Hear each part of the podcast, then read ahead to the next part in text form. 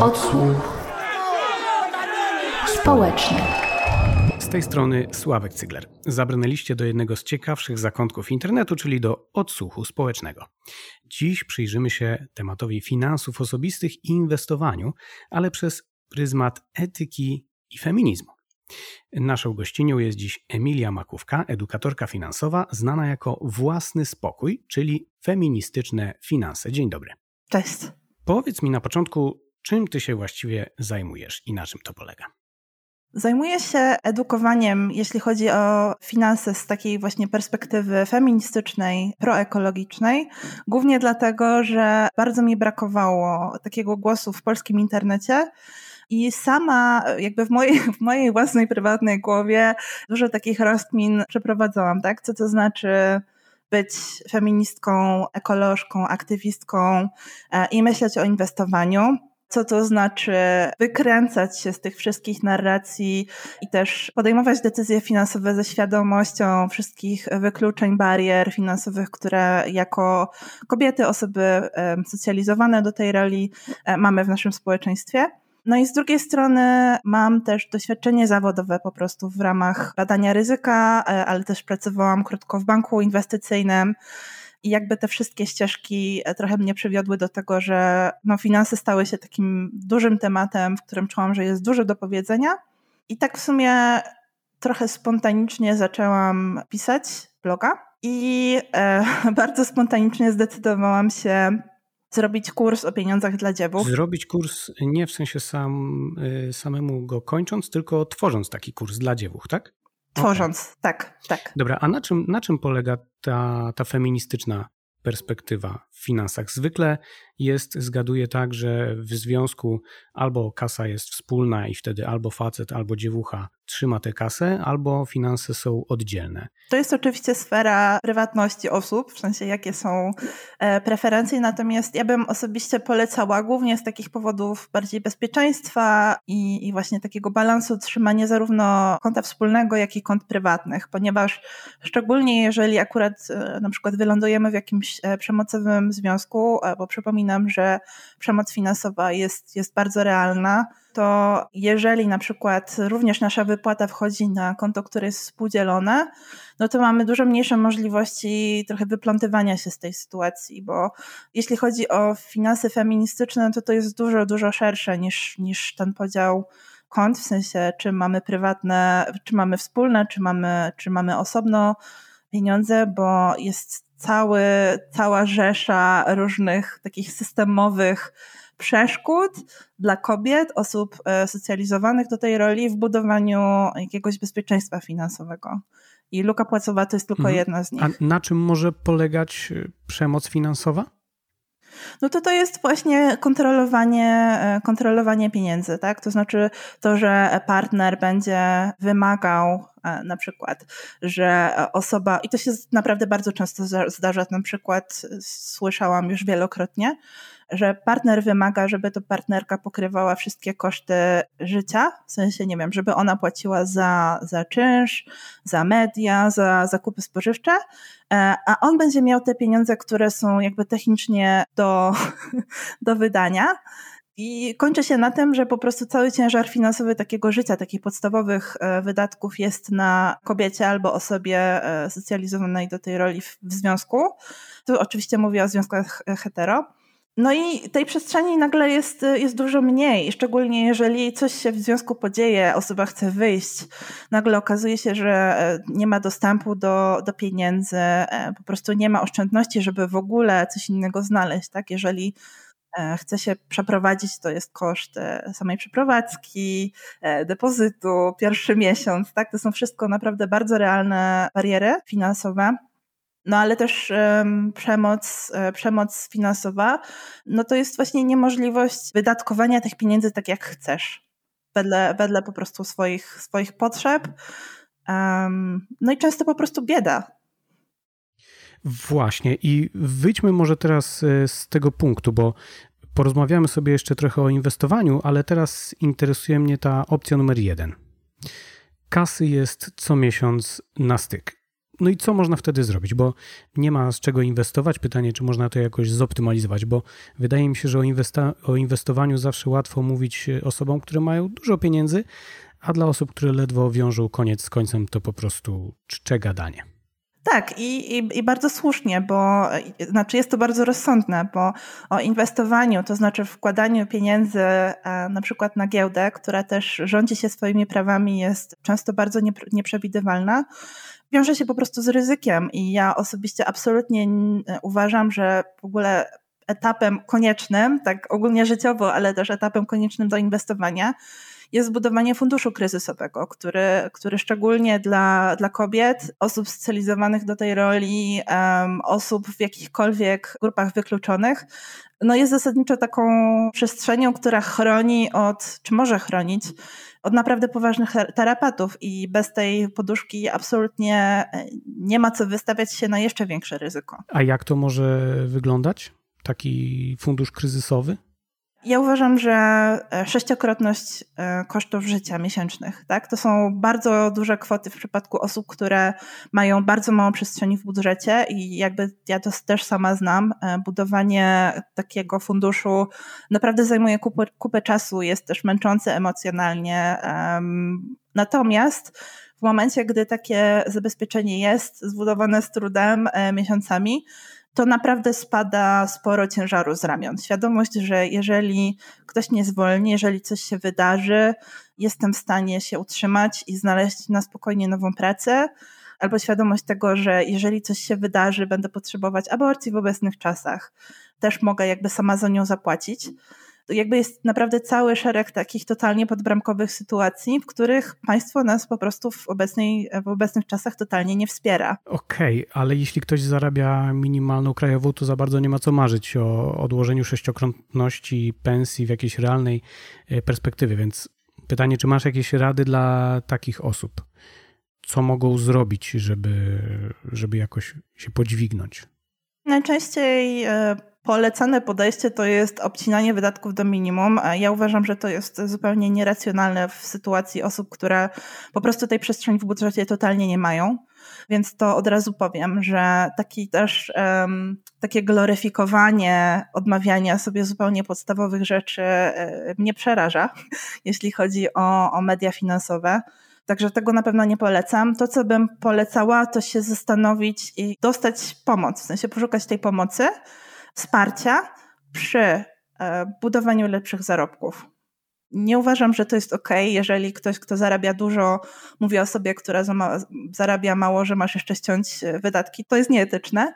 Natomiast e, sama ze swojej strony też dlatego oferuję dużo wsparcia, pomocy przy szukaniu nowej pracy, przy rozwoju takich kompetencji bardziej miękkich w takiej sferze zawodowej, bo realnie jest tak, że dopóki tych, tych dochodów nie będzie chociaż trochę więcej, no to tak jak mówisz, to osiągnięcie półrocznego zabezpieczenia to jest pieśń przyszłości. Dobra, to teraz wyjdźmy sobie z tego wariantu drugiego, czyli zakładamy, że mamy dobrą pracę, dobrze płatną, możemy sobie tego trochę odłożyć. To teraz jakie są e, bezpieczne i w miarę efektywne formy e, oszczędzania czy pomnażania kapitału, w kontekście no, tego, że lokaty w zasadzie w tej chwili są tak oprocentowane, że kompletnie się nie opłacają. No właśnie, mam wrażenie, że zainteresowanie e, inwestowaniem jest teraz e, nagle dużo większe od początku pandemii. I mam wrażenie, że to jest trochę rezultat kilku rzeczy. Po pierwsze, tego, że wraz z pandemią bardzo mocno spadło oprocentowanie kont oszczędnościowych i lokat, głęboko poniżej inflacji. Absolutnie rozumiem i ten ból też słyszę w, w, rozmowach z osobami, które, które właśnie po raz pierwszy zaczęły w ogóle myśleć o inwestowaniu, bo, bo widzą, że te pieniądze, które mają, po prostu tracą wartości ale z drugiej strony mam wrażenie, że to też jest mocno nabudowane tym, że w mediach jest strasznie dużo teraz historii o tym, jak nagle się okazuje, że ludzie mają pokłady pieniędzy i kupują te nieruchomości na prawo-lewo, nawet jeżeli nie mogą ich wynająć. Chociaż może tylko ja, bo ja siedzę w tych mediach finansowych i to, co się tam działo na początku, to, to, to było straszne. Nagle jest duże zainteresowanie inwestowaniem e, i pierwszą rzecz, którą bym powiedziała każdej jednej osobie, no to właśnie najpierw sprawdzić, e, czy ten fundusz kryzysowy faktycznie jest, czy rozumiemy, jak e, wydajemy pieniądze, czy mamy perspektywę taką długofalową na to, że możemy inwestować regularnie.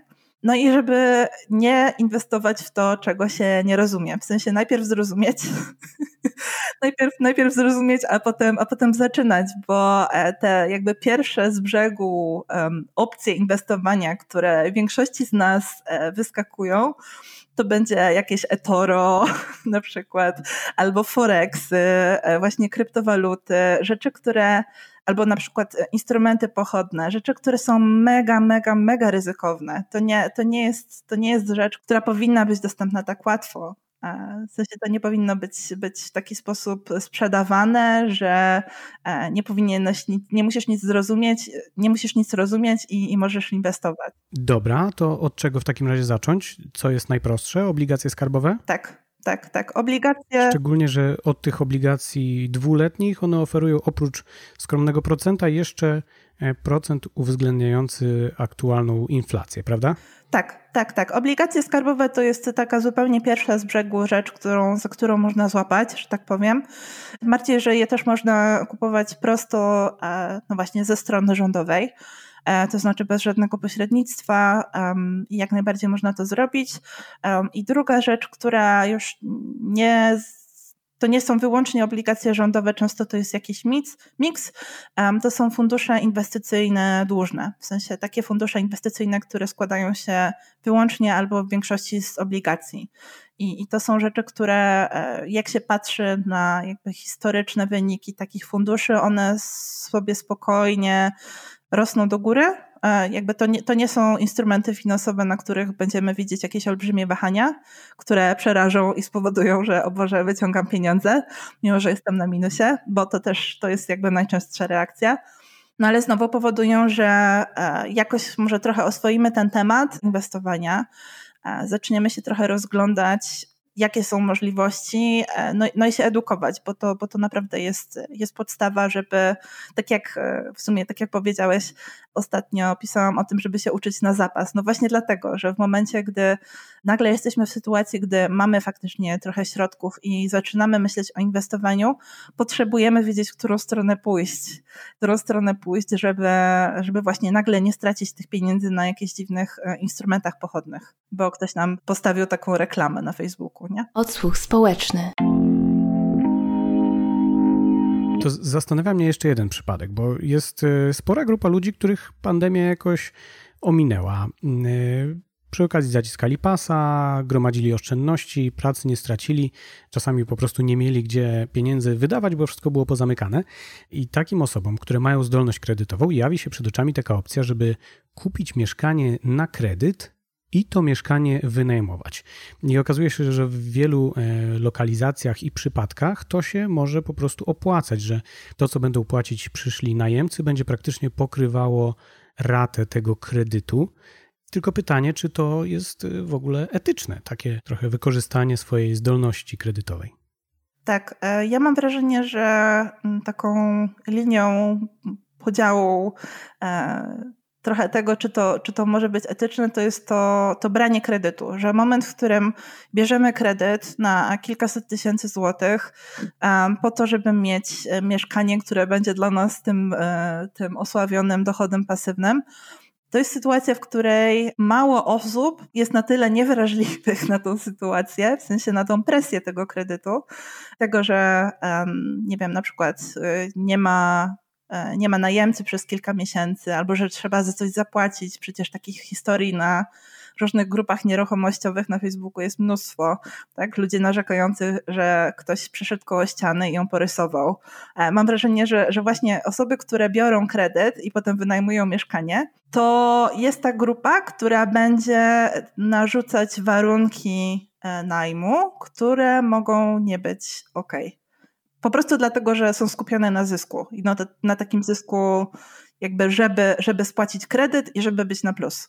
No i faktem jest, że rynek mieszkaniowy jest całkowicie oddany w ręce deweloperów, a wręcz to postępuje, bo pojawili się nowi gracze, na przykład jakiś fundusz inwestycyjny ze Szwecji, który kupuje mieszkania pod wynajem w liczbach rzędu 600 sztuk przy jednej transakcji, no i to może dodatkowo wyśrubować te standardy i obniżyć dodatkowo ceny. I na tym rozumiem, ci, którzy kupują takie mieszkanie, mogą się przejechać. Czyli robiąc taką szybką kalkulację, e, jeśli ktoś ma zdolność kredytową, bierze kredyt na 400 tysięcy, obecnie rata takiego kredytu to jest powiedzmy 1800 zł, za ten kredyt może kupić e, kawalerkę w Warszawie i wynajmować ją załóżmy za 2000, czyli teoretycznie może to się opłacać, ale jeśli te fundusze zaczną e, działać bardziej agresywnie i obsługiwać mieszkania w liczbie 1000, no to naturalnie będą mieć niższe koszty i e, ceny najmu też spadną, więc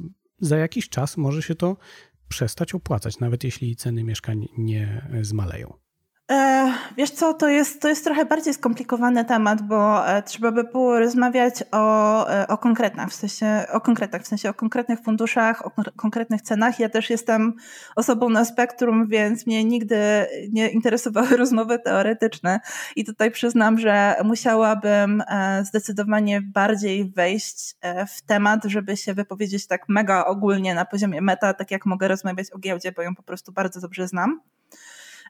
Natomiast moim zdaniem, e, tak, tak wracając do poziomu jakby dużej ogólności, jedyne etyczne e, inwestowanie w nieruchomości to jest właśnie wpłacanie udziałów w funduszach, które chcą iść w wynajem e, instytucjonalny w sensie, że na przykład e, tutaj w Katowicach też mamy takie możliwości, że na przykład wpłacasz, e, nie wiem, 50 tysięcy złotych i jesteś w tym momencie częścią e, funduszu, który kupuje i renowuje całą kamienicę, która jest potem wynajmowana na, na mieszkania. I to nie jest tak, że bierzesz kredyt po to, żeby wpłacić ten wkład, bo, bo takiej możliwości po prostu nie ma, musisz mieć gotówkę no to powoduje, że konkretne osoby wchodzą w ogóle w takie, w takie opcje. Ale z drugiej strony inna rzecz, o której moim zdaniem powinno się rozmawiać więcej i tych opcji w Polsce niestety nie ma na tyle dużo, to jest inwestowanie w nieruchomości neutralne energetycznie, które po prostu też odpowiadają długofalowo na potrzeby, na potrzeby ludzi, bo mam wrażenie, że szczególnie w momencie, gdy inwestuje się w, w sensie w mieszkania na wynajem u deweloperów, którzy stawiają mieszkania najniższym kosztem, najgorszymi materiałami, zupełnie nie zastanawiając się nad tym, jak ten budynek będzie funkcjonował za 30 lat, w jakich w ogóle warunkach też e, klimatycznych będziemy żyć za 30 lat, no to to też jest taka część e, odpowiedzialności, którą uważam powinno się u siebie widzieć w momencie, gdy się dysponuje jakimiś większymi środkami. No i właśnie, tutaj wchodzimy chyba już trochę w taki wątek e, rozważań filozoficznych, no bo weźmy sobie takich programistów, albo nawet weźmy na przykład Adriana Zandberga, który był albo jest programistą e, między innymi aplikacji mobilnych, do tego wykłada. No jak wiemy, taki programista może zgarniać naprawdę duże pieniądze miesięcznie, to jest kilkanaście tysięcy złotych, a mimo to poszedł w politykę, która no przynajmniej na tym etapie na pewno kokosów nie przyniesie. No a więc to jest chyba trochę kwestia wyboru każdego człowieka, no bo są ludzie również z lewej strony politycznej e, sceny, e, którzy bardzo dobrze odnajdują się w dzikim kapitalizmie i właśnie mogą e, mieć dobrze płatną pracę, odkładać duże pieniądze, inwestować czy grać na giełdzie, a mimo to z jakiegoś powodu e, chcą upominać się też o słabszych, tych, którzy często po prostu, po prostu na starcie nie mieli e, takiego kapitału, również w postaci wykształcenia, rodziny, po prostu mieli gorszy start. No właśnie, to jest, y, to jest mega ciekawy temat, bo mam wrażenie, że um, tak jak na lewicy dużo rozmawiamy o cudzych pieniądzach, e, to trochę za mało rozmawiamy o swoich własnych. W sensie, że też ta strefa mm, finansów osobistych poza takimi rozmowami, y, rozmowami o przywileju, o klasowości, to jest, to jest z jednej strony kwestia wrażliwości, ale ta wrażliwość też przecież nie przychodzi sama z siebie, tak? Ja u siebie też widzę, że dla mnie w ogóle możliwość rozwoju tej wrażliwości to była i kwestia studiów, i osób, które spotkałam na tych studiach, które były bezpłatne. To, że ponieważ moi rodzice płacili mi regularną e, kwotę, gdy studiowałam i ja też jakby wtedy już pracowałam jako tłumaczka, ale jednak miałam ten czas, żeby być aktywistką. Jakby u mnie ten rozwój wrażliwości się nie odbywał sam, sam, sam z siebie. To też były elementy finansowe, które mi to umożliwiły. I mam wrażenie, że to jest jakby, to jest jedna rzecz, a druga jest taka, że bardzo dużo na lewicy mówimy o odpowiedzialności, która płynie z posiadania pieniędzy, prawda? Nie rozumiem, dlaczego e, nie rozmawiamy więcej o tym, właśnie co nasze własne pieniądze, pieniądze w naszej własnej kieszeni robią. Tak, to jest oczywiście przenoszenie pewnej odpowiedzialności. Ja totalnie rozumiem sprzeciwy wobec tego, ale nie mówimy w tym momencie o moralności wyborów na zasadzie e, ubrania z sieciówki, tylko mówimy o wyborach na zasadzie, czy zainwestuję pieniądze w mieszkanie, które ktoś będzie wynajmował i spłata tego e, czynszu będzie zajmowała 50% budżetu. Nie? To jest zupełnie inna sytuacja, zupełnie inna skala. Jak ty widzisz y, możliwość takich oddolnych działań szarego obywatela? Bo ja mam wrażenie, że oczywiście nie kupowanie ubrań z sieciówki to jest jak najbardziej słuszna idea, ale w takim sensie, że to dopiero może wywierać jakiś wpływ na e, polityków, no bo dopiero takie działania systemowe czy wręcz ponadnarodowe mogą mieć taki realny wpływ i przełożenie na losy ludzkie albo na losy całej planety. Jasne, jasne, ja się totalnie zgadzam. Natomiast tutaj może przejdź, przejdźmy trochę w stronę właśnie inwestowania na giełdzie, bo jak się zastanawiałam nad tym, e, jaki jest w ogóle sens tego, żeby ja inwestując, e, żebym się przyglądała temu, w co, co się zawiera na przykład w danym funduszu inwestycyjnym, bo one są takim parasolem zbierającym wiele różnych instrumentów i to nie są dziesiątki, to są setki różnych, różnych firm, różnych, w sensie różnych akcji, różnych obligacji. Więc jak się zastanawiałam nad tym, jaki jest sens, żebym ja nie podejmowała tego takiego defaultowego wyboru, to znaczy pierwszy z brzegu fundusz e, inwestycyjny, który wygląda dobrze, w sensie tak od strony zyskowej, no to znowu pieniądze są siłą tego całego systemu, w sensie kapitalizmu, tak? W momencie, gdy tak dużo rozmawia się teraz na przykład o divestment na uniwersytetach, tak? O, o takich akcjach zmuszających e, różne firmy czy właśnie uniwersytety do tego, żeby zrezygnowały z inwestycji w firmy, które na przykład spółki węglowe. Jeżeli, jeżeli rozmawiamy o takich działaniach, które są bardzo mocne, jeżeli rozmawiamy o tym, żeby banki przestały współfinansować jakieś duże właśnie przedsięwzięcia czy zakładanie kopalni, to ja jako część tego systemu, w sensie giełdy, wpłacając tam pieniądze, moim zdaniem, w mojej własnej głowie, w moim własnym systemie etycznym, mam obowiązek robić to inaczej. Mam obowiązek wspierać e, te części giełdy, które działają w sposób bliższy mi. To znaczy, farmy wiatrowe, indeksy, które e, jakby są nakierowane na spółki o pozytywnym wpływie środowiskowym. E, tych, tych narzędzi jest trochę, natomiast trzeba o nich wiedzieć. Trzeba mieć trochę rozpoznania w ogóle na giełdzie, żeby widzieć takie możliwości.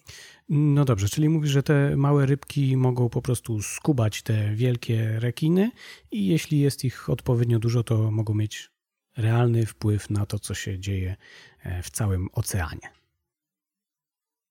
Tak, tym bardziej, że jeżeli mówimy o inwestowaniu, to tak jak powiedziałam, odnośnie jakby jeżeli w ogóle moim zdaniem etapem wstępu, w sensie takim, taką, taką koniecznością, zanim w ogóle zaczniemy inwestować, jest ta sześciokrotność kosztów życia, to to już powoduje, że e, to nie są małe rybki. Tak? Jeżeli ktoś zarabia 6 e, netto, 10 netto miesięcznie albo 6,5 e, i ma w ogóle przestrzeń w budżecie na inwestowanie, to umówmy się, to nie jest 90% Polaków. Tak, to nie są środki, które są pierwsze z brzegu. One są oczywiście minimalne w stosunku do tego, jakimi majątkami rozporządzają e, bogaci w Polsce. Natomiast jeżeli mamy osoby, na przykład w polskiej blogosferze, które mają na przykład zainwestowane 200 tysięcy złotych, sorry, ale to są kwoty, które, które mają znaczenie. Jeżeli, jeżeli byśmy jakby konsekwentnie rozmawiali o takiej etyce w inwestowaniu i te osoby, które faktycznie te pieniądze mają, wyciągałyby pieniądze z inwestycji, nie wiem, na przykład w spółki węglowe, w Apple i w Amazony, które, które łamią e, prawa pracownicze, to ja nie mówię, że w skali międzynarodowej, ale chociaż u nas by, by to było w jakiś sposób odczuwalne, albo przynajmniej moglibyśmy rozmawiać o tym, czy to jest odczuwalne. Teraz w tym momencie takiej rozmowy w ogóle nie ma. To przepłyńmy teraz trochę do tematu bitcoina i innych kryptowalut. O co w tym chodzi? Czy to się faktycznie opłaca? Czy to jest etyczne? Czy faktycznie ktoś, kto kilka lat temu kupił bitcoina, teraz jest bogaty? I czy ty sama rozważałaś e, inwestycje właśnie w kryptowaluty? Wiesz co, ja się edukuję, głównie dlatego, że dostaję bardzo, bardzo dużo pytań o kryptowaluty. E, sama w niej nie inwestuję, i to głównie dlatego, że w moim własnym systemie wartości nie, nie, spina się inwestowanie w krypto, które już wiemy, że ma bardzo mocny wpływ, jeśli chodzi o pobór energii. I nawet Chiny chyba już rozpoznają kryptowaluty jako jakiś potencjalny element hamujący pracę nad powstrzymywaniem kryzysu klimatycznego. Więc, więc jakby u mnie się to nie spina i ja też za mało o tym wiem, żeby jakby z pełnym przekonaniem mówić, na czym to, po, na czym to polega, bo oczywiście jakby rozumiem funkcjonowanie kryptowalut i tak dalej, ale no w przypadku giełdy mam po prostu bardzo wielostronne spojrzenie na to i jakby tutaj mam większe zaufanie do, do siebie samej i swojej wiedzy. Natomiast właśnie jeśli chodzi o kryptowaluty i jakąś etykę tego wszystkiego, to mam wrażenie, że dużo osób zapomina, że nie wszystko, co jest anty, antysystemowe, jest etyczne. Tak? Szczególnie na początku e, jakiegoś takiego boomu na kryptowaluty też przecież było dużo skandali związanych z tym, że e, na przykład Silk Road e, korzystało bardzo mocno z kryptowalut, że jakby dużo takich przestępstw po prostu ciężkiego kalibru znalazło dla siebie furtkę tej części systemu finansowego. I Trzecie takie, trzecia taka rzecz, która uważam, że jest tutaj e, trochę czerwoną flagą, to jest to, że kryptowaluty są często spinane w taki jeden zestaw razem z Forexem i innymi instrumentami pochodnymi, które no, inwestować zdecydowanie nie chcemy. Tak? To jest znowu moja, moja opinia. E, nie mówię, to nie są nie wiem, jakieś ogólne prawidła i jest milion osób, które powie dokładnie na odwrót, bo na tym zarabiają. Natomiast z mojej perspektywy i też jakby ze świadomością tego, skąd wyniknął na przykład kryzys 2008 roku, to są takie części giełdy, w które no, ja po prostu nie wchodzę. A jakbyś miała tak w trzech słowach powiedzieć e, Forex i instrumenty pochodne, e, na czym to polega?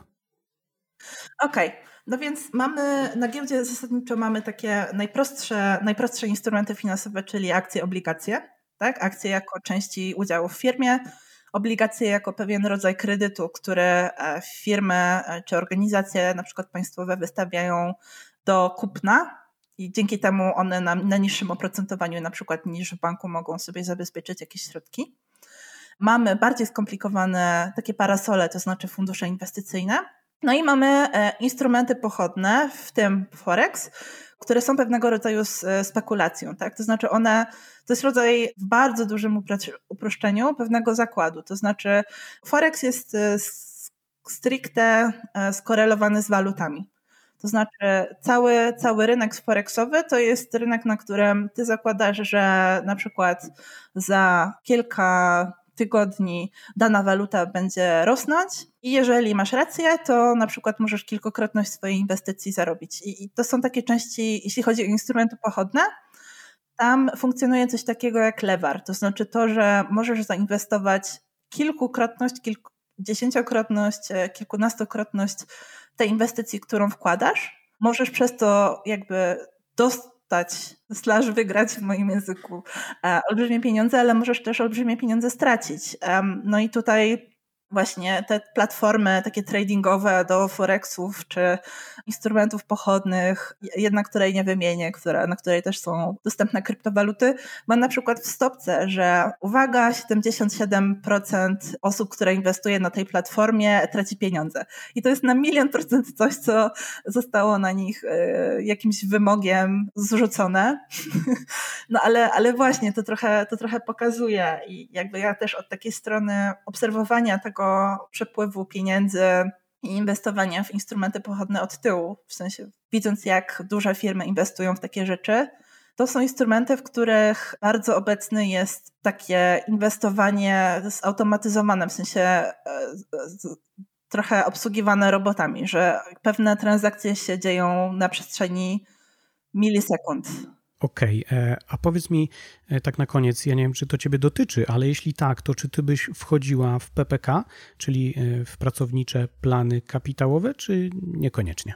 Tak, tak, tak. A to dlatego, że znowu oddzielmy pewne rzeczy, dwie. To znaczy, jedna jest sfera e, polityczna, w której e, absolutnie jestem fanką, e, zwolenniczką emerytury obywatelskiej. I, I, tego, że jakby każdy z nas powinno mieć godną emeryturę i ona powinna być na przykład finansowana z budżetu. Ale z drugiej strony jest to, że w tej chwili mamy do wyboru konkretne narzędzia, w przypadku PPK e, to narzędzie daje nam kilka procent dodatkowe, które musi od siebie dokładać e, pracodawca. No dobrze, ale przeciwnicy PPK mówią, że no czym to się różni od OFE, przecież i tak nam e, to po paru latach zabiorą. A i to, to jest moja ulubiona rozmowa, bo to jest rozmowa, która udowadnia, że polskie media finansowe nic nie wiedzą o świecie um, bo i nie czytały ustawy o OFE i nie wiedzą, jak, e, jakie są plany na likwidację OFE. Um, a plany są takie, że w obecnym kształcie tej ustawy e, taka defaultowa opcja to jest to, że te środki przechodzą na IKE. Można też dobrowolnie wyda- można też dobrowolnie złożyć deklarację, że te środki w całości przechodzą do ZUS-u. Tak, więc to, to jakby mam wrażenie, że ten tekst o OFE to jest taki jakby odruchowa odpowiedź osób, które tylko by trzymały pieniążki na własnym koncie, żeby nie było ZUS-u i w ogóle to patologia i 500.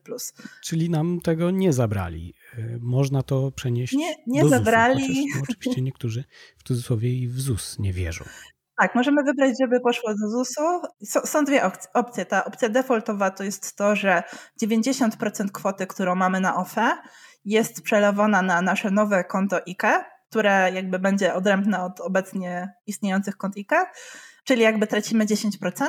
A druga opcja to jest przy dobrowolnej deklaracji 100% tej kwoty przychodzi do ZUS-u. I to szczególnie w przypadku osób, które są blisko emerytury, to ja bym powiedziała, że, że ta druga opcja jest, jest spoko. Czyli ten argument o zabraniu OFE jest pewnie głównie oparty na tym zabraniu tych 10%. Ja nawet nie wiem, ja się już w tym pogubiłam, ja nie rozumiem, dlaczego to ciągle krąży. Ja mam wrażenie, że w którymś momencie była po prostu wielka inba o to w mediach cały ten proces dochodzenia do tego kształtu ustawy, który jest teraz, on się odbywał w momencie, gdy ja e, jeszcze nie byłam aż tak aktywnie jakby wyczulona na, na tego typu, rozmowy, więc e, podejrzewam, że to wynika z tego, że na początku te rozmowy miały trochę inny ton i te komunikaty miały trochę inny ton. Natomiast tak jak mówię, w obecnym kształcie to, to tak nie wygląda. Okej. Okay. No dobrze to nie pozostaje mi nic innego, jak życzyć wszystkim powodzenia w, po pierwsze, poprawianiu swojej sytuacji finansowej, e, po drugie, w budowaniu poduszki kryzysowej, a po trzecie, w inwestowaniu zarobionych pieniędzy i efektywnym obracaniu nimi. E, naszą gościnią była dzisiaj Emilia Makówka. Dzięki serdeczne. Dzięki piękne. Dzisiejszy odcinek przygotowywała Magdalena Gromniak-Szi, a realizował Robert Gańko. Ze swojej strony polecam śledzenie odsłuchu społecznego na wszelkich platformach streamingowych. Dzięki serdeczne za dziś i do usłyszenia. Odsłuch społeczny.